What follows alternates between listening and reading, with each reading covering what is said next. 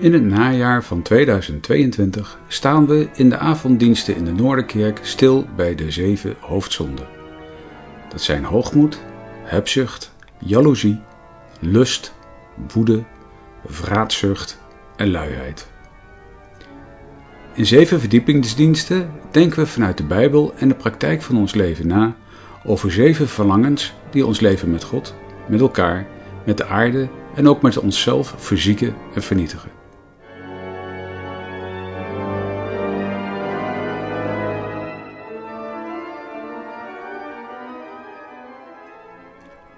De tweede verdiepingsdienst gaat over hebzucht.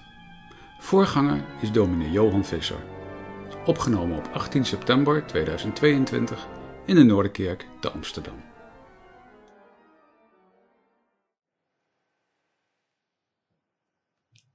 We lezen twee gedeelten uit de Bijbel die gaan over hebzucht. Eerste is over de bevrijding van de hebzucht. Prachtige evangelieverhaal over Zacchaeus. En wij hebben het over wonderverhalen hè, in de Bijbel. En dan gaat het over dingen die we zeggen, die zijn eigenlijk, die kunnen niet. Hè. Zieken die genezen worden, doden die opgewekt worden. Het verhaal van Zacchaeus wordt nooit een wonderverhaal genoemd. Maar eigenlijk is het natuurlijk wel een van de grootste wonderen. Een gierigaard, een man helemaal in de greep van geld en goed.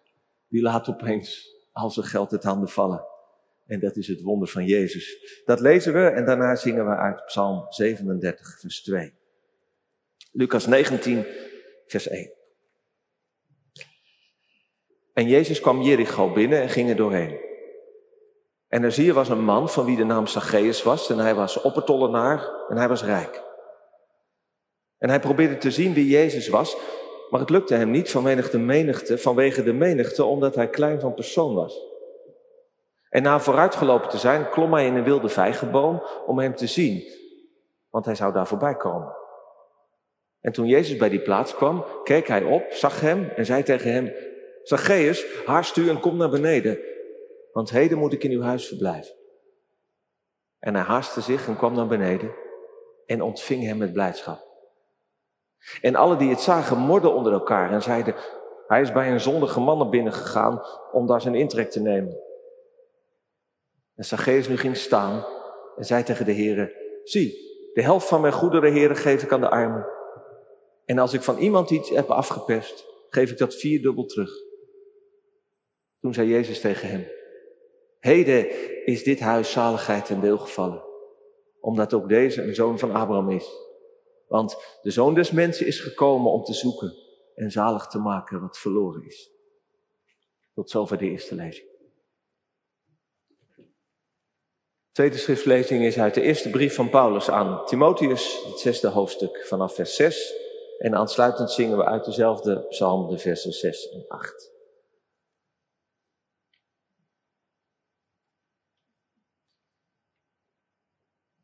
...1 Timotheus 6, vers 6. Paulus heeft het over mensen die vanwege de godsdienst of door de godsdienst, door de kerk proberen winst te maken. En dan zegt hij het volgende. Maar de godsvrucht is inderdaad een bron van grote winst, vergezeld van tevredenheid. Want we hebben niets de wereld ingedragen. En het is duidelijk dat we ook niets daaruit kunnen wegdragen. Als we echter voedsel en kleding hebben, zullen we daarmee tevreden zijn. Maar wie rijk willen worden, vallen in verzoeking en in een strik en in veel dwaze en schadelijke begeerten die de mensen doen wegzinken in verderf en ondergang. Want geldzucht is een wortel van alle kwaad. Door daarna te verlangen zijn sommigen afgedwaald van het geloof en hebben zich met vele smarten doorstoken. U echter, o mens die God toebehoort, ontvlucht deze dingen en jaag daarentegen gerechtigheid, godsvrucht, geloof, liefde, volharding en zachtmoedigheid na. Strijd de goede strijd van het geloof. Grijp naar het eeuwige leven, wat u ook, u ook geroepen bent en de goede beleidenis afgelegd hebt voor vele getuigen. En ik beveel u voor God die alle dingen levend maakt. En voor Christus Jezus, die onder Pontius Pilatus de goede beleidenis heeft afgelegd. Dit gebod onbevlekt en onberispelijk in acht te nemen. Tot de verscheiding van onze Heer Jezus Christus. De zalige en alleen machtige Heere, de koning der koningen en Heere der heren, zal hem op zijn tijd laten zien. Hij die als enige onsterfelijkheid bezit en in een ontoegankelijk licht bewoont. Hem heeft geen mens gezien en niemand kan hem ook zien. Hem zij de eer en eeuwige kracht. Amen. Beveel de rijken in deze tegenwoordige wereld dat ze niet hoogmoedig zijn en hun hoop niet gevestigd houden op de onzekerheid van de rijkdom, maar op de levende God, die ons alle dingen in rijke mate verschaft om ervan te genieten, om goed te doen, rijk te zijn in goede werken, vrijgevig te zijn en bereid om samen te delen. Zo verzamelen zij voor zichzelf een schat, een goed fundament voor de toekomst, opdat ze het eeuwige leven verkrijgen. Zalig ben je als je het woord van God hoort en het bewaart. Gemeente van Jezus Christus. Toen de New Yorkse predikant Tim Keller een keer een serie ontbijtlezingen over de zeven hoofdzonden hield, wedde zijn vrouw met hem dat de lezing over hebzucht het kleinste aantal mensen zou trekken. En Keller schrijft dat ze gelijk had gekregen. Hebzucht is volgens Keller een verborgen zonde, waar we gemakkelijk blind voor zijn. Nee, zo erg is dat met mij niet. En dat is niet zo gek natuurlijk, want hebzucht, dat klinkt eigenlijk ook wel heel erg. Het de zucht, het hele sterke verlangen naar hebben, pakken, meer hebben. Paulus gebruikt in zijn brief aan Timotheus, die we hebben gelezen, een ander, maar, maar even onthullend woord. Geldzucht, of letterlijk in het Grieks geldliefde. En dat, geldliefde of hebzucht, dat is kwaad. Dat is zonde. En dat leert niet alleen de Bijbel. Paulus, Paulus haalt een soort van spreekwoord aan. Hè? Geld, liefde is een wortel van allerlei kwaad. Dat komen we in allerlei varianten tegen bij de filosofen uit de oudheid. Net zoals alle grote religies hebzucht zien als iets dat schadelijk is voor een goed leven. Zowel persoonlijk als geestelijk en ook gemeenschappelijk voor ons samen. Je hoeft natuurlijk niet, niet eens een godsdienstig of filosofisch boek daarvoor te lezen. De Donald Duck die volstaat eigenlijk wel. Oom Dagobert. Wiens leven in het teken staat van het, van het vullen van geldpakhuizen. En die daardoor een onplezierig, zielig en angstig figuur is. Ja, de, de grote hebzuchtige, of dat nu de gierigaards à la Dagobert Duck, of de drugsbaronnen, of die zielige miljonairs hè, die, voor hun eigen, die, voor, die hun eigen goede doelen stichtingen oprichten om zo min mogelijk belasting te betalen. Of de rijke patsers die denken dat ze alles kunnen maken en kopen. Of de jochies in Amsterdam die voor de criminaliteit kiezen omdat ze ook dure kleding en spullen willen hebben? Of de twintigers, zo vertelde mij een financieel adviseur, die alles op alles zetten om voor hun dertigste miljonair te worden en daarmee ook nog de wooncrisis verergeren. Ja, kijk, zulke types die roepen bij ons woede en afkeer en ook wel medelijden op. Maar ik geloof dat, dat hebzucht veel verborgener werkt. En dat het iets is wat ons volgens mij allemaal wel raakt. Gewoon simpelweg, we maken deel uit van een wereld waar hebzucht en geldliefde hele sterke krachten zijn. Die onze ziel proberen te pakken. En ons bij God vandaan willen houden. Paulus zegt dat, je kunt er ongelovig van worden. Je kunt er door afdwalen en wegzinken in verderf en ondergang. En misschien zeg je, nou, dat valt toch nog wel mee. Ik weet niet of jullie het, het modemerk In Gold We Trust kennen. Am, uh, Amsterdams modemerk. En af en toe zie ik iemand rijden. En ik moet eerlijk zeggen, als ik dat zie, dan word ik er onpasselijk van. En ik heb het eens even zitten, zitten opzoeken waar dat gold voor staat. En ze zeggen, nou, gold, dat is een soort, hè, het goud van het beste, een gouden medaille. Daar, daar gaan we voor.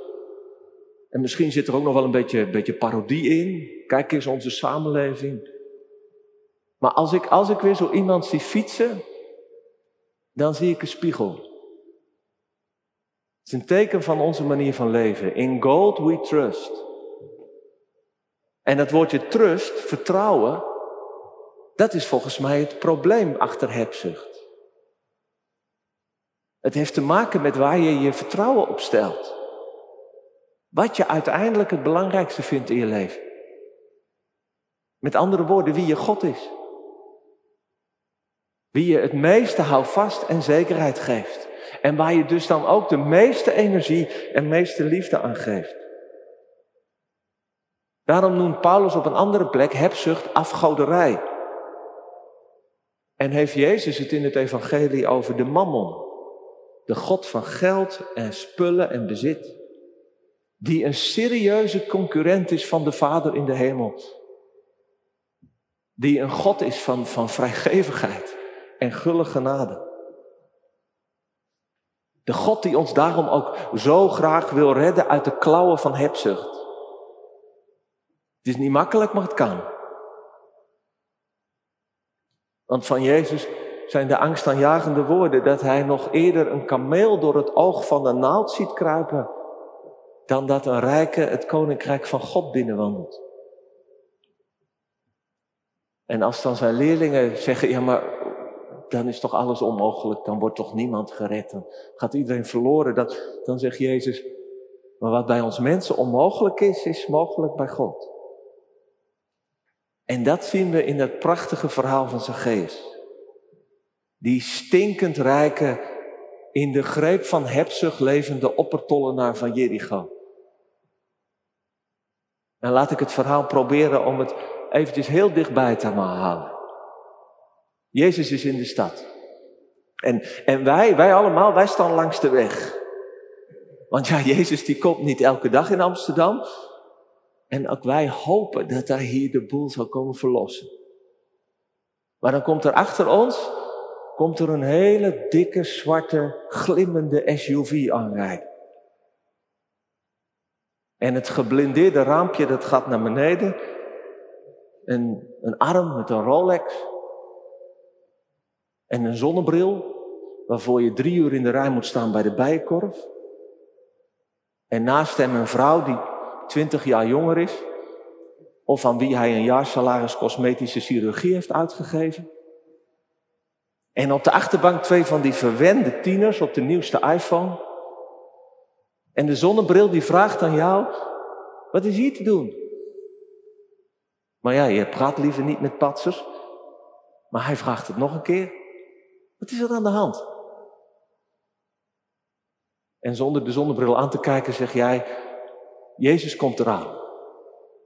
En de deur gaat open en die gast in zijn design trainingsplak, die klimt zo op zijn dure auto. Hij is niet groot, en, maar nu kan hij zomaar over alle mensen heen kijken. En jij vraagt je af, waar haalt die kerel, kerel eigenlijk zijn geld vandaan? Cocaïne? Schimmig vastgoed? Jackpot van de staatsloterij? Maar die man die heeft zijn zonnebril afgezet om Jezus te zien. Die ondertussen vlakbij gekomen is. En dan stapt Jezus jouw kant op. En hij spreekt over jouw hoofd die gast aan. Zacchaeus, ik moet vandaag bij jou thuis zijn. En Zacchaeus die komt van zijn SUV af, doet het achterportier open. Hé, hey, schuiven jullie eens even op. En hij laat Jezus instappen. En nu weer terug naar het Bijbelse verhaal. Want in het huis van Zacchaeus gebeurt het wonder. Terwijl de mensen buiten verontwaardigd praten over die Jezus die, die bij die vuile tollenaar thuis zit en die zich laat verteren over de rug van de mensen die die Zacchaeus heeft beroofd, horen we Zacchaeus over de helft van zijn, van zijn vermogen dat hij aan de armen zal gaan geven. En over een compensatie van 400 procent aan de mensen die hij ooit bestolen heeft met zo'n corrupte belastingtarief. De kameel is door het oog van de naald. De hebzucht en de macht van die rotgod Mammon, die is gebroken. En het wordt natuurlijk feest in Jericho. Voor de daklozen, voor de mensen met schulden, voor de andere armen. Die nu eens niet naar de tollenaar moeten gaan om geld te geven, maar die naar hem toe mogen gaan om geld te ontvangen. En Zacchaeus die doet niet alleen aan liefdadigheid, maar hij doet ook aan gerechtigheid. Hij is eerlijk. Hij, hij geeft herstel, het viervoudige. En waarschijnlijk is dat gewoon wat er volgens de Joodse Romeinse wetten moest worden gedaan als je, als je iemand bestolen had. Dat geeft hij terug aan de mensen die hij benadeeld heeft. Nou, wij zeggen in de kerk terecht dat God bijzonder oog heeft voor armen en kwetsbare mensen. Maar, maar ook de rijken vergeet hij dus niet. Zelfs voor die corrupte, hebzuchtige rijken is Jezus gekomen. Want ze hebben hem natuurlijk net zo goed nodig. Dus de steward of, of een van zijn partners. Als je vanavond zit te kijken, dat zou zomaar kunnen. Je hebt gewoon Jezus nodig. Die kan je hele ingestorte leven redden. Daarvoor is hij gekomen. Maar ja, dan, dan nog de vraag natuurlijk, hoe gaat Jezus ons redden van hebzucht? Want ook als wij niet zo'n grote kameel zijn als Zacchaeus, of misschien denken dat het niet ons probleem is, hebzucht, omdat jij denkt, nou ik heb, ik, heb, ik heb niet eens een cent op mijn rekening staan. Maar kleine kamelen die gaan ook niet gemakkelijk door het oog van de naald. En ook als je niks op je rekening hebt staan of omdat je altijd alles aan jezelf uitgeeft, kan het ook misschien nog wel zijn dat je iets met hebzucht hebt. Daarom vier dingen als medicijn of misschien wel als een vaccin tegen de hebzucht. Een medicijn als we er echt last van hebben, als we er ziek van zijn. En een vaccin als we om ons te beschermen ertegen. Het eerste, dat is een ontmoeting met Jezus. Kijk maar naar geef. Het feit dat Jezus hem ziet en dat Jezus bij hem wil zijn, dat raakte hem zo diep. Dat hij zonder een lesje en zonder een, een gebod of een vraag van Jezus zomaar zijn geld loslaat. Het is die ontmoeting met de, met de vrijgevigheid van God. Met Gods gulle genade die je, die je overrompelen. En die je laten voelen en beseffen dat er iets is. Dat er iemand is die zoveel mooier en veiliger en beter is dan geld. En dan de status van merken en logo's en spullen en vastgoed. Kijk, als geld of spullen of shoppen, als dat je afgod is, en voor de ene zal dat veel meer gelden dan voor de ander, ja, dan heb je meer nodig dan, dan alleen maar, maar uh, regels. Of een beetje koopschaamte. Of goede voornemens of een preek zoals vanavond. Je hebt een andere God nodig. Je hebt een God nodig die mooier en sterker is. En die je verlangens verandert. En dan moet Jezus je aankijken en zeggen, ik moet vandaag in jouw huis zijn. Jij hebt mij nodig.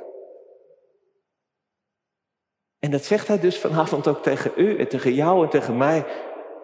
Nu, vandaag moet ik bij jou thuis zijn. En wat doe je dan?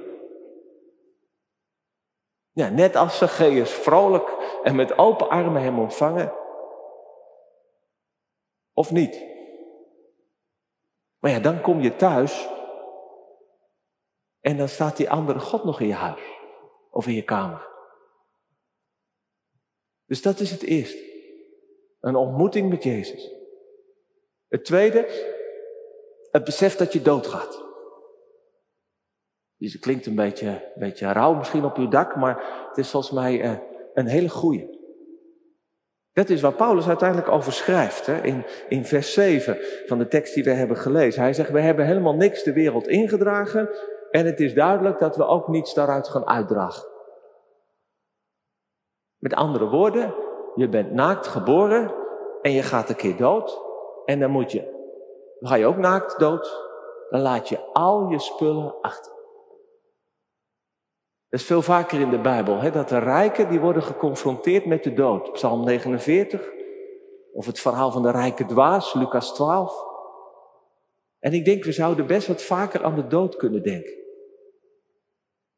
Want als je aan de dood denkt, dan word je eerlijker. Dan, dan verliezen heel veel dingen, uiterlijke dingen waar je veel aandacht aan hebt, die verliezen uiteindelijk hun aantrekkingskracht. De Russische schrijver Tolstoy heeft een dun boekje geschreven, De dood van Ivan Ilyich.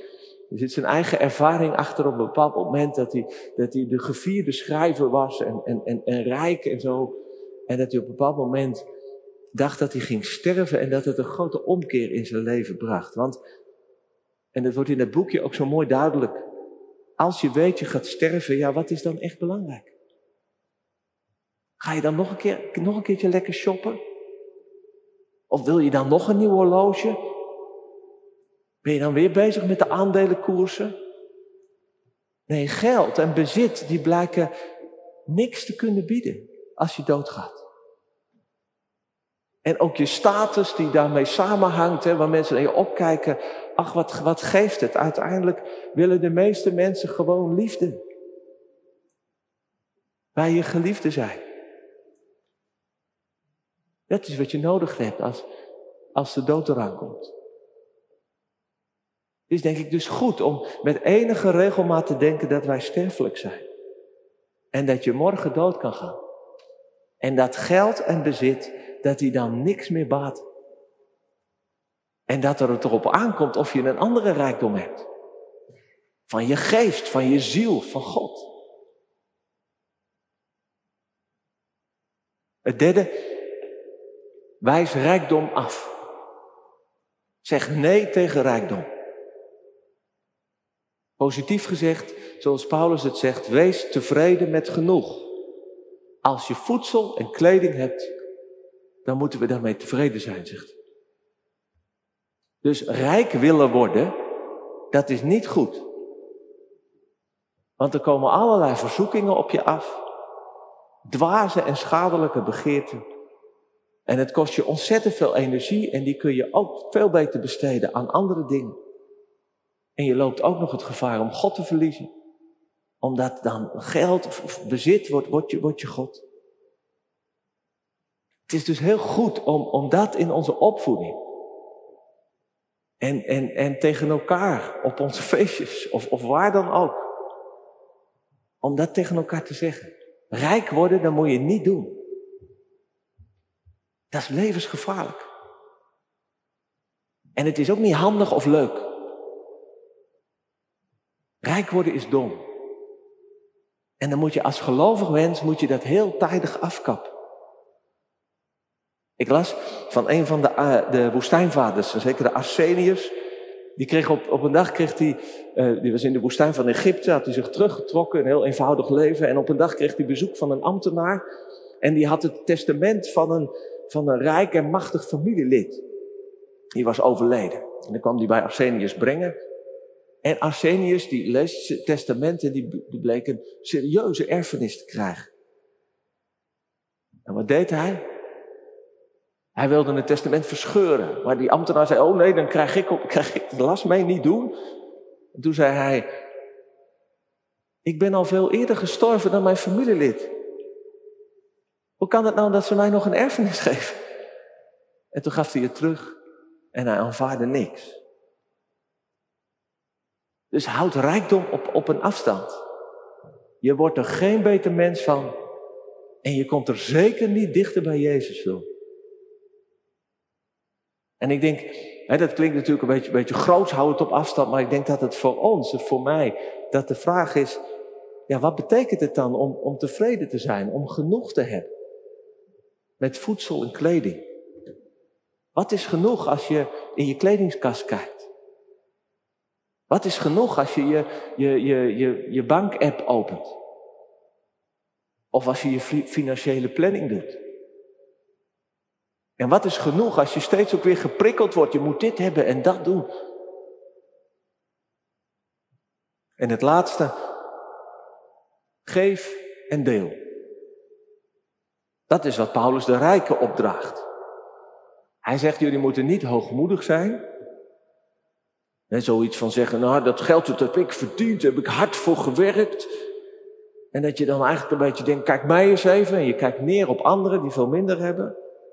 Je moet dus ook niet vasthouden aan de status die rijkdom in de wereld, wereld eh, je, je geeft. Of je hoop erop stellen dat je denkt, nou rijkdom, nou, nou red ik het wel. Nee, je moet je hoop op God stellen. Die ons zoveel geeft om ervan te genieten, goed te doen en rijk te zijn in goede werk. Dat is uh, vers 17 en 18 uit de tweede lezing. Het is belangrijk dat Paulus schrijft dat als één zin. God geeft ons, ons, gezamenlijk, zoveel om van te genieten en te geven en te delen en rijk te zijn in goede werk. Dus niet, hij geeft het ons te genieten en dan mogen we ook nog wat, wat goed doen. Nee, dat hoort helemaal bij elkaar. Dus als je rijk bent, als mens, ik denk dat voor heel velen van ons dat geldt in ieder geval vergeleken met een heleboel andere mensen op deze wereld. Als je rijk bent als een samenleving, dan sta je dus geestelijk gezien, sta je 1-0 achter. Maar goed, in zekere zin kun je zeggen, daar kun je niks aan doen. Je bent nu eenmaal rijk. We zijn hier geboren. Of je, je hebt dingen meegekregen waardoor je, waardoor je meer geld hebt dan, dan anderen. Maar wat je dan kunt doen is genieten, delen en geven. En dat hoort bij elkaar, want genieten doe je natuurlijk vooral samen. Dus dat is wat je moet doen als je, als je rijk wordt. En je durft niet zoals Arsenius het geld te weigeren. Ja, dan kun je geven, gul en nederig. En de vraag die we natuurlijk dan altijd ergens een beetje stellen, ja, hoeveel, hoeveel moeten we dan geven? Nou, in het Oude Testament is sprake van de tiende. Je geeft in ieder geval je 10% van je inkomen aan de tempel en, en één keer in de zoveel jaar ook aan de armen. En daarbij wordt er nogal meer gegeven. Nou, in sommige kerken is dat ook overgenomen. Je moet je tiende geven. Wij doen dat niet en dat vind ik goed, denk ik. Maar die, die tiende, die 10% is natuurlijk wel een goed basisprincipe. 10% van je inkomen. Om te geven en te delen. En niet alleen voor de kerk, maar ook voor mensen om je heen die veel minder hebben. Mensen die je kent, die, die met het evangelie de wereld in zijn gegaan of anderen zijn gaan helpen en daardoor niet zelf kunnen werken. En er zijn natuurlijk sommigen die kunnen veel meer missen. Denk aan Zacchaeus, die gaf gelijk de helft weg. En daarna moest hij ook nog die 400% steeds terugbetalen. Dus hoeveel hield hij eigenlijk over? Nou, anderen die, die kunnen minder missen, want als je zelf al de eindjes aan elkaar moet knopen, is het misschien best lastig. Maar hou het als, als basisprincipe. En misschien vind je het nu een beetje wettisch worden, een beetje moralistisch ook. En ik heb ook een beetje geaarzeld hoor, om het zo concreet te zeggen. Maar ik denk, alleen met goede bedoelingen en met wat dankbare gevoelens voor de genade van God zal het niet gaan. Zacchaeus die zou nooit zijn gered van zijn hebzucht als hij niet zoveel had weggegeven. Want je moet denk ik heel concreet de liefde voor geld en het vertrouwen op bezit en het verlangen naar hebben moet je doorbreken. En dat doe je alleen door serieus te geven en te delen. Net zo goed als je heel concreet in aanraking bent gekomen met de vrijgevige God. en met de gulle liefde van Jezus. Amen.